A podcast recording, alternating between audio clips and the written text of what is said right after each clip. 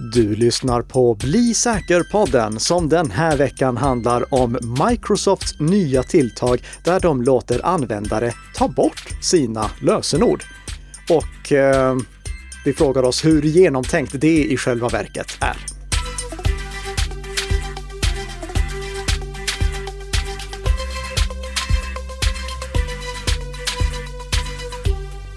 God morgon, god morgon Tess! Ja men god morgon, god morgon! Och god morgon alla våra fantastiska lyssnare som tunar in avsnitt 135 av Bli säker-podden som produceras i samarbete mellan Nika Systems och Bredband2. 135 avsnitt Nika! Mm. Det är otroligt många! Ja, och anledningen till att jag nämner det, det är att vi har lite feedback från avsnitt 134. Ja! Alltså förra veckans avsnitt som handlade om ID-kapningar. I det avsnittet så sa jag ju att man var tvungen att installera Klarnas app för att slå på de här två bank-id-spärrarna som vi rekommenderar alla att ha påslagna oavsett om man brukar handla med Klarna eller inte. Mm. Vår lyssnare Stefan Kalmelid skriver i kommentarsfältet att det även går att aktivera dem på Klarnas webbplats. Ah. Det visste inte jag, men jag loggade in där och kollade. Och mycket riktigt, man behöver inte installera appen. Det går att göra direkt på webbplatsen också. Ja men vad bra! Mm. Och vi kollar ju även med Qliro som är eh, Klarnas eh, konkurrent. Precis. Om de eh, har det här bank-id-spärren. Mm. Och det har de inte. Nej. Nej. Men de borde skaffa. Ja, ja. kanske kommer nu. Sen har vi en liten uppföljning kring ett eh, avsnitt eh, vi gjorde för ett tag sedan nu. Avsnittet som handlade om eh, de här nya skanningsfunktionerna som Apple planerade att introducera i iOS 15. Mm.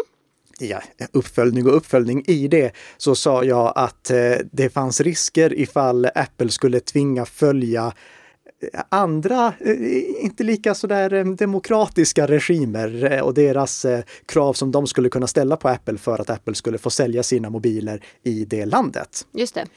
Och nu i förra veckan, då beslutade sig både Apple och Google för att ta bort regimkritikern Alexej Navalnys taktikröstningsapp som han hade tagit fram inför det ryska valet för mm. att kunna göra det lite mer demokratiskt.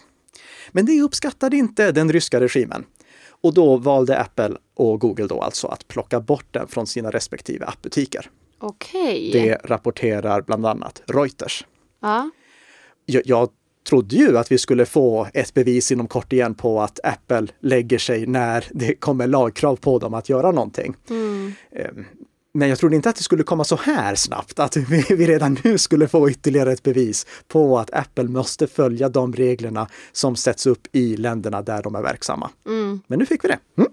Ja, vi får väl se vad som händer här med Apples eh, skanningsfunktioner då. Precis, de är ju satta på paus så länge. Mm. Men låt oss gå in på veckans första snabbis och den handlar faktiskt om iOS 15. För den versionen av Apples mobila operativsystem är ute nu och den är tillgänglig för iPhone 6s och iPad R2 och senare. Och då ska vi ge Apple en liten guldstjärna. För jag sitter ju här och läser mina små stolpar från en iPad R2. En surfplatta som nu är sju år gammal. Ja, det är bra. Batteritiden på den är ju nästan obefintlig och den är eh, seg som sirap. Men Apple håller den inte bara säker utan de har också sett till att den får den senaste versionen av iOS, eller iPad OS som de kallar det när det är till iPad. Mm. Så det är en guldstjärna för att de håller mobiltelefoner och iPad säkra så länge. Vill ni veta mer om nyheterna som finns i iOS 15 så pratade vi om det i avsnitt 124 och avsnitt 125 av Bli säker-podden. Jag har bara några små tillägg som jag skulle vilja göra till de avsnitten.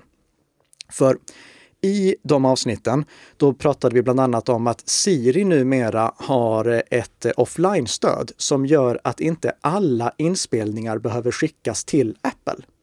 Tidigare var det ju så att när Siri triggades, då togs den inspelningen, skickades till Apples moln, behandlades där och så fick Siri veta vad det var vi efterfrågade.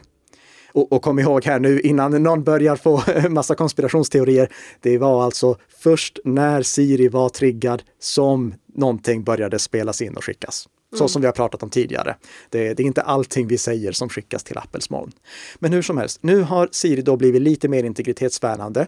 För tack vare de nya processorkärnorna som är fokuserade på artificiell intelligens och finns i de senaste iPhone och iPad-modellerna så kan Siri nu göra en hel del av de här uppgifterna utan att ha åtkomst till internet ens. Hon kan till exempel ställa klockan, eller alltså äh, väckarklockan. Hon kan äh, öppna app appar, ändra inställningar och sådana saker som inte kräver internetåtkomst. Mm. Och det sker då helt lokalt utan att någon data behöver lämna iPhonen eller iPaden. Men som jag sa i det avsnittet så fungerade det inte på min eh, iPhone 6S som jag testade med, en väldigt gammal mobiltelefon, äldsta mobiltelefonen som fortfarande har stöd för iOS 15. Och jag misstänkte att det berodde på just att den inte hade de här extra processorkärnorna. Mm. Nu vet vi att det fungerar på iPhone 10S och senare. Och det är alltså iPhone 10S där 10 är skrivet med en romersk siffra och S är skrivet med en latinsk bokstav, alltså XS. XS ja. Mm. Och senare, där fungerar det. Men det funkar inte ens på svenska.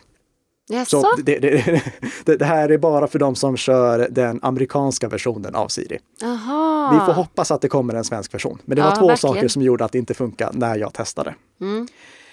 En annan sak som inte är tillgänglig än heller, det är den här appaktivitetsrapporten som jag har sett fram emot så mycket för att man ska kunna se vad olika appar ansluter till, vilka domäner de ansluter till, vilka rättigheter de begär.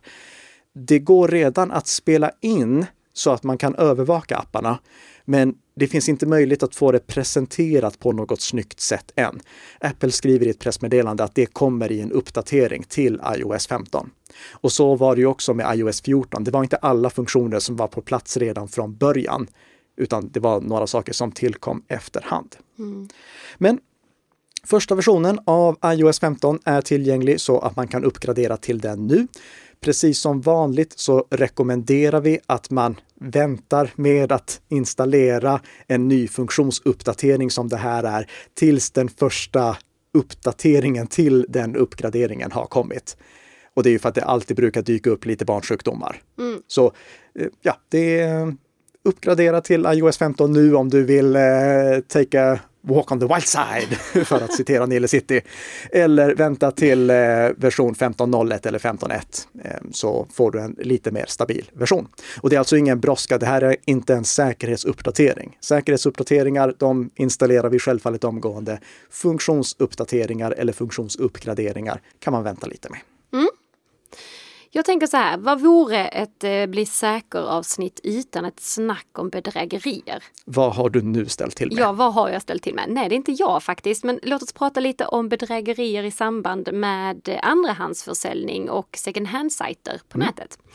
Det är egentligen inget ovanligt i sig, men däremot så tycker jag att det här är en lite annorlunda variant faktiskt. Eh, I en artikel på aftonbladet.se så skriver man om Niklas som lade ut sin sons elsparkcykel på Blocket. Niklas fick snabbt svar från en spekulant som säger att han bor i en annan stad och inte kan hämta elsparkcykeln. Och istället så vill den här spekulanten då skicka en kurir från Postnord. Spekulanten skriver till Niklas att eh, han ordnar leveransen och skickar en bekräftelselänk. Länken går sen till en hemsida som ser ut som Postnords eh, och väl på sidan så uppmanas Niklas att uppge sitt kontokortsnummer för att få sina pengar. Men då, duktiga Niklas, han anar oråd och kontaktar Postnord för att dubbelkolla om detta verkligen är sant. Och det är det ju inte. Det är ju en falsk sida. Ja, alltså det här, jag tyckte bara det var en lite spännande grej av att ta in en kurir i det hela också. Mm. Ja. Intressant tilltag. Men det som jag tycker är värt att nämna specifikt här, det är ju igen relevansen. Vi har pratat mm. om relevansen är avgörande när en nätfiskeattack ska lyckas. Och här är ju bedragarna relevanta. Dels för att de eh, liksom anknyter till någonting som eh, de vet att Niklas vill sälja. Mm. Och också för att det handlar om att han ska få pengar. Och eh, alltså, när man säljer någonting second hand, då är man ju alltid lite snäll mot köparen för att få köparen att faktiskt slå till. Ja, precis. Så bra tänkt här bedragare får jag säga. Det är snyggt jobbat. Eh, Jag vet inte hur bra ni fejkade Postnords webbplats och så, så men det, idén, den gillar jag. Så, så ur en Så angripares fortsätt perspektiv. med det. Nickas råd helt enkelt till bedragare. Sen så har vi en nyhet kring ExpressVPN. Det har varit lite blåsväder kring dem. ExpressVPN är en av de här stora VPN-tjänsterna i världen. De- säger själva att de är number one i världen på VPN. Jag vet inte vad de baserar det på, men jag, eh, ja, jag ger dem the benefit of the doubt så att säga. Och varför har det varit blåsväder kring dem? Jo, av två skäl. För det första, en man som heter eh, Daniel Gerick, med reservation för uttalet.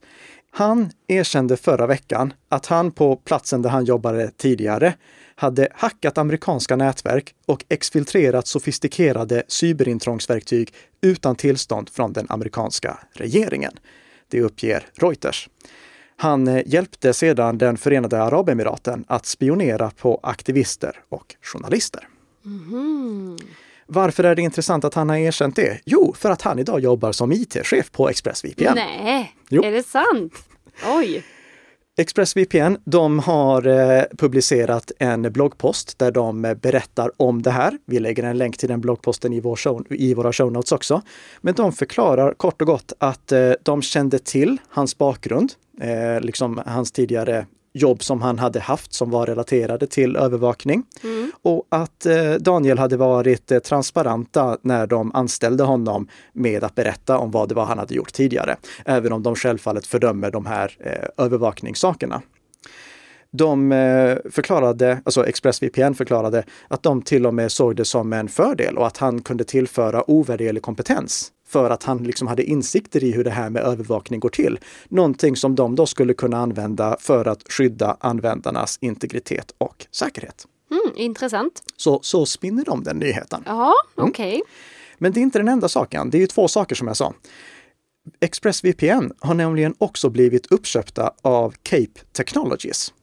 Och Cape Technologies är ett eh, företag som nu har köpt ganska många VPN-tjänster. De äger ExpressVPN då. De äger PIA eller Private Internet Access. De äger CyberGhost och de äger Sendmate. Den, den sistnämnda är jag inte bekant med, men de tre andra är vanligt förekommande VPN-tjänster. Cape Technologies är kanske inte ett bolag som speciellt många är bekanta med. Förr i tiden, då hette de Crossrider.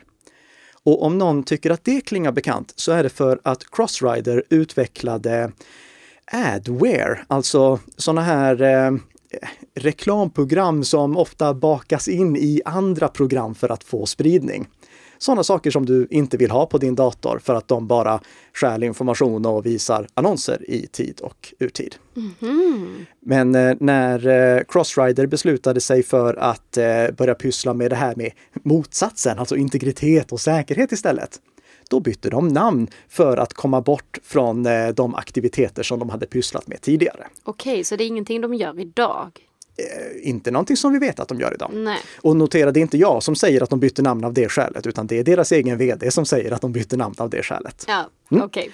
Men nu är det alltså de som äger ExpressVPN. Och ExpressVPN har då också en IT-chef med den här bakgrunden som jag nämnde precis. Jag säger inte huruvida ni ska använda, ni som lyssnar alltså, huruvida ni ska använda ExpressVPN eller inte. Jag bara fyller i den här informationen i och med min tidigare rekommendation om att den viktigaste saken som finns när man väljer VPN-tjänst är huruvida man litar på bolaget eller inte. För om man inte litar på bolaget, då är ju inte någon av deras andra utfästelser värda någonting. Då kan de ju ljuga om det. Och trots att en VPN, den har ju en total insyn i vad det är du ansluter till. De ser ju all metadata om din krypterade trafik och de ser all din okrypterade trafik. Så ifall du står och väljer mellan att inte använda en VPN eller att välja en VPN vars bolag du inte litar på, då är det bättre att inte använda en VPN överhuvudtaget. Mm. Det, jag tyckte att jag var väldigt nyanserad i det jag sa nu. Du tyckte det? Ja, det tyckte jag. Snowden, han var inte lika nyanserad. Han twittrade så här. If you are an ExpressVPN customer, you shouldn't be. Punkt. Ja, det var ganska rakt på sak va? Ja. Mm. Mm. Inte, går inte att misstolka. Nog om det. Det är dags för veckans huvudämne och Microsofts nya lösenordsfria inloggning. Exakt. Vi börjar med ett citat från eh, Vasu Jakal, eh, Corporate Vice President of Security Compliance and Identity hos Microsoft. Vilken härlig titel! Ja, precis. Hon skriver så här i ett blogginlägg från förra veckan på engelska. Beginning today, you can now completely remove the password from your Microsoft account. Use the Microsoft Authenticator app, Windows Hello, a security key, or a verification code sent to your phone or email to sign in to your favorite apps and services, such as Microsoft Outlook, Microsoft OneDrive, Microsoft Family Safety and more. Slutcitat. Det här kommer sig alltså av att Microsoft nu låter oss logga in helt utan att använda lösenord.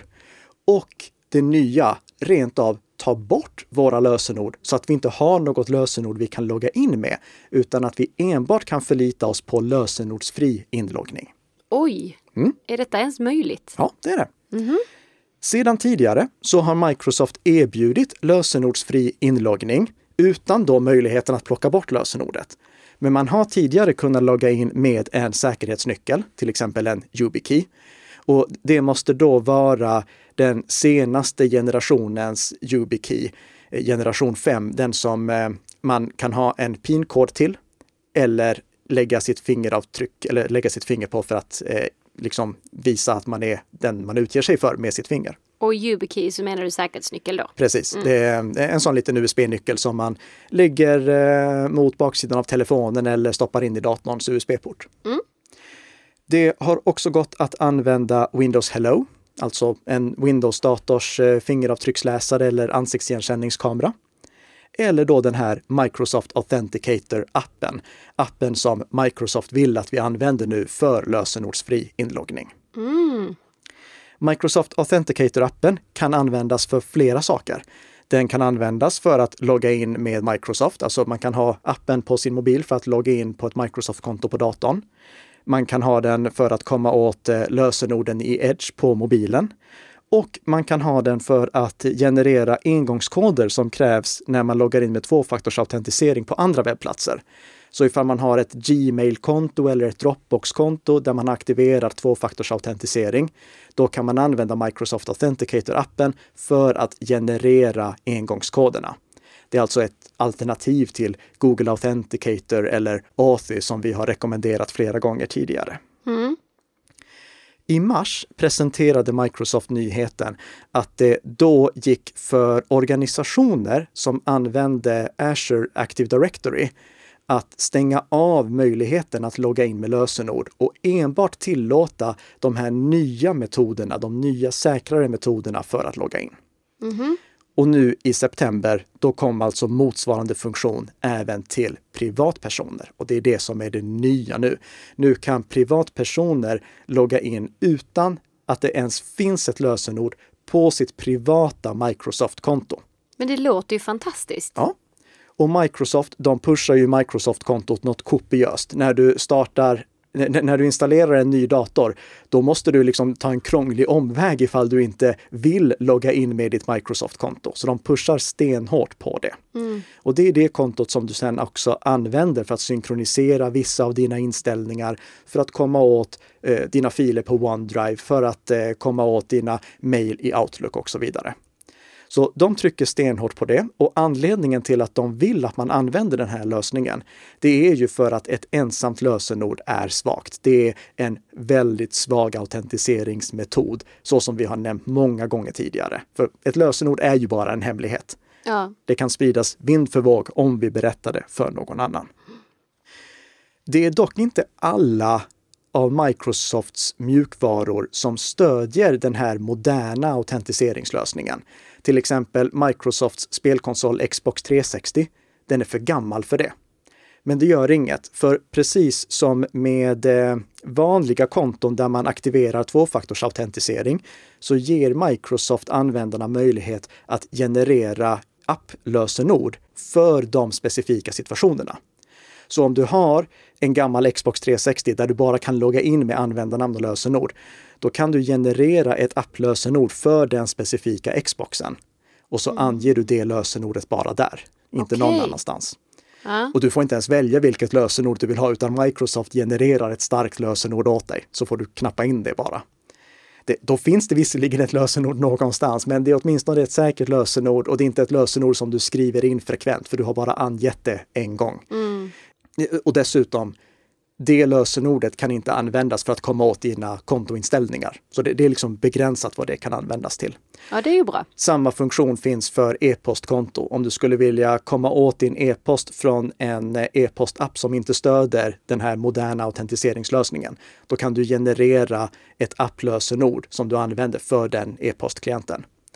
Microsoft skriver också att det här är någonting man behöver göra för Office 2010 och Office 2011 för MacOS. Men det gör väl ändå ingenting? Nej, för de har vi redan sagt att ingen av våra lyssnare får använda. Nej, precis. För det är utdaterade gamla Office-versioner som inte längre får säkerhetsuppdateringar. Det är alltså inte tillåtet att köra Office 2010 för Windows eller Office 2011 för MacOS. Så den hoppar vi över. Ja, Ja. Okej. Jag testade såklart det här.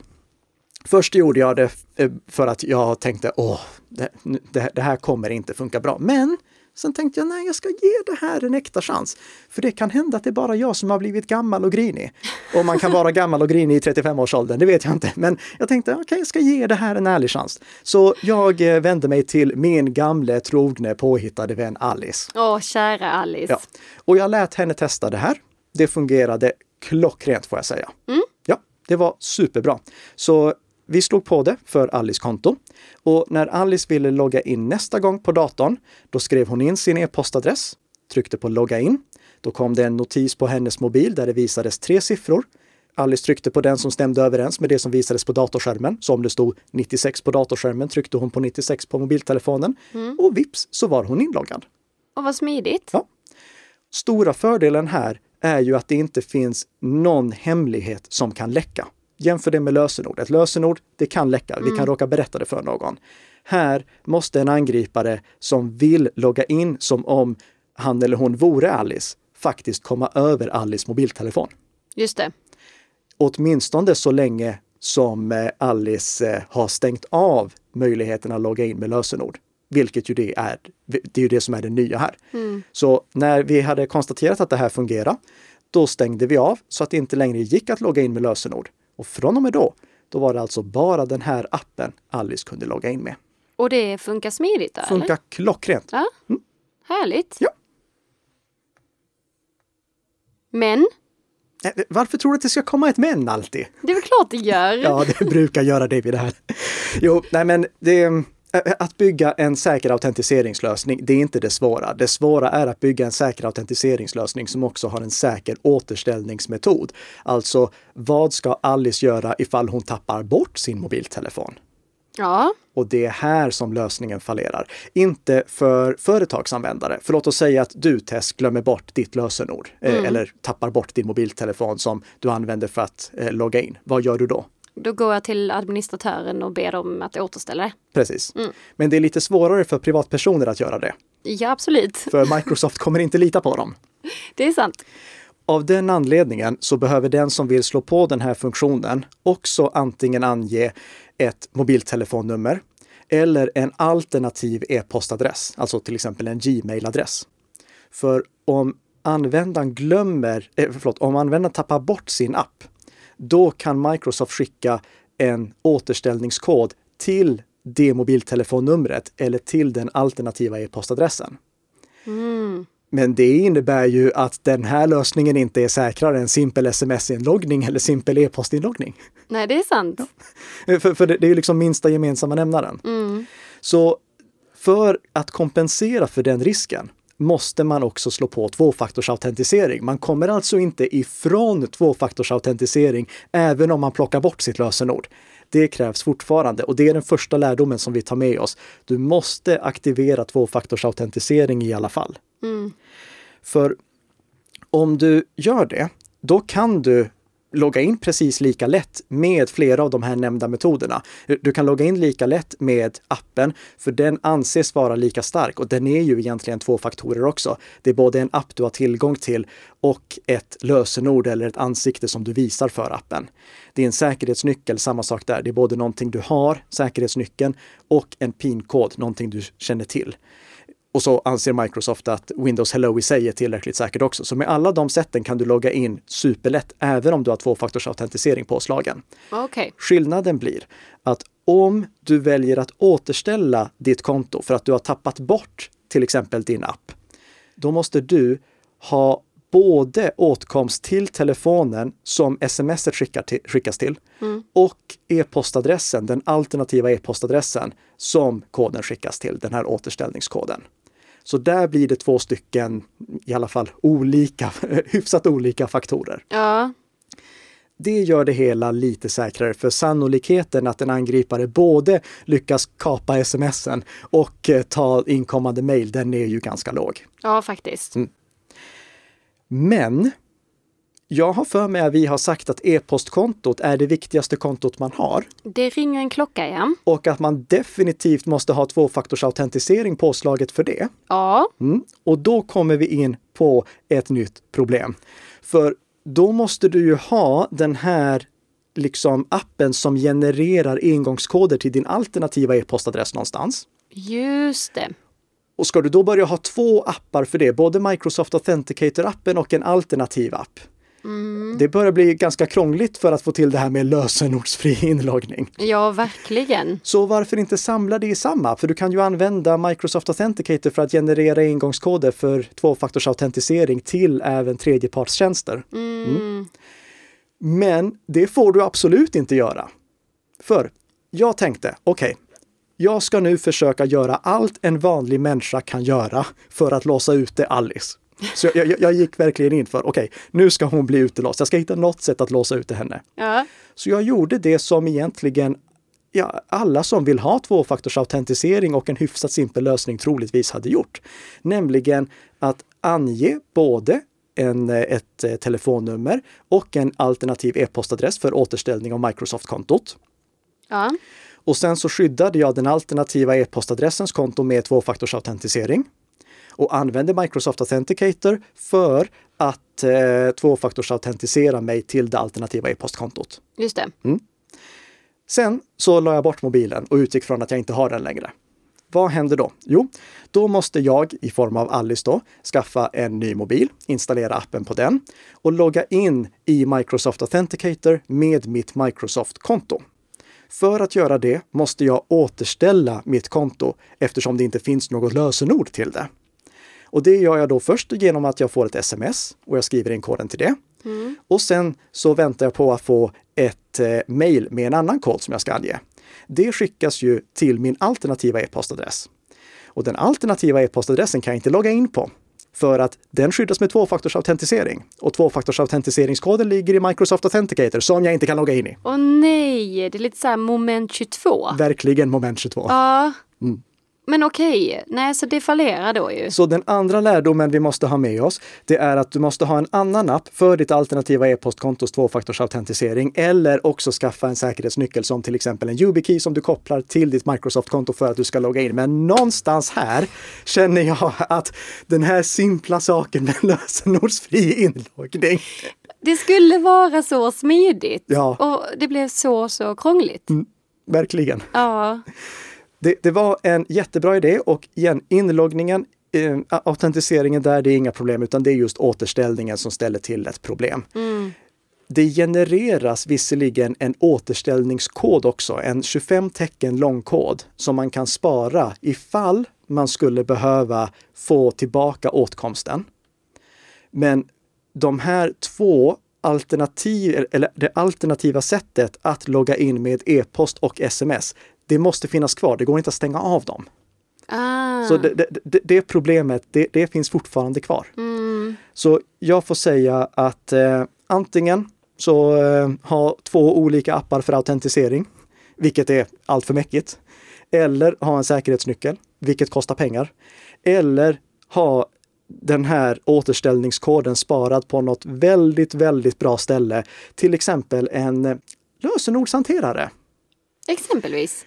Men nu är vi ju tillbaka på ruta ett igen, för då måste vi ha en lösenordshanterare.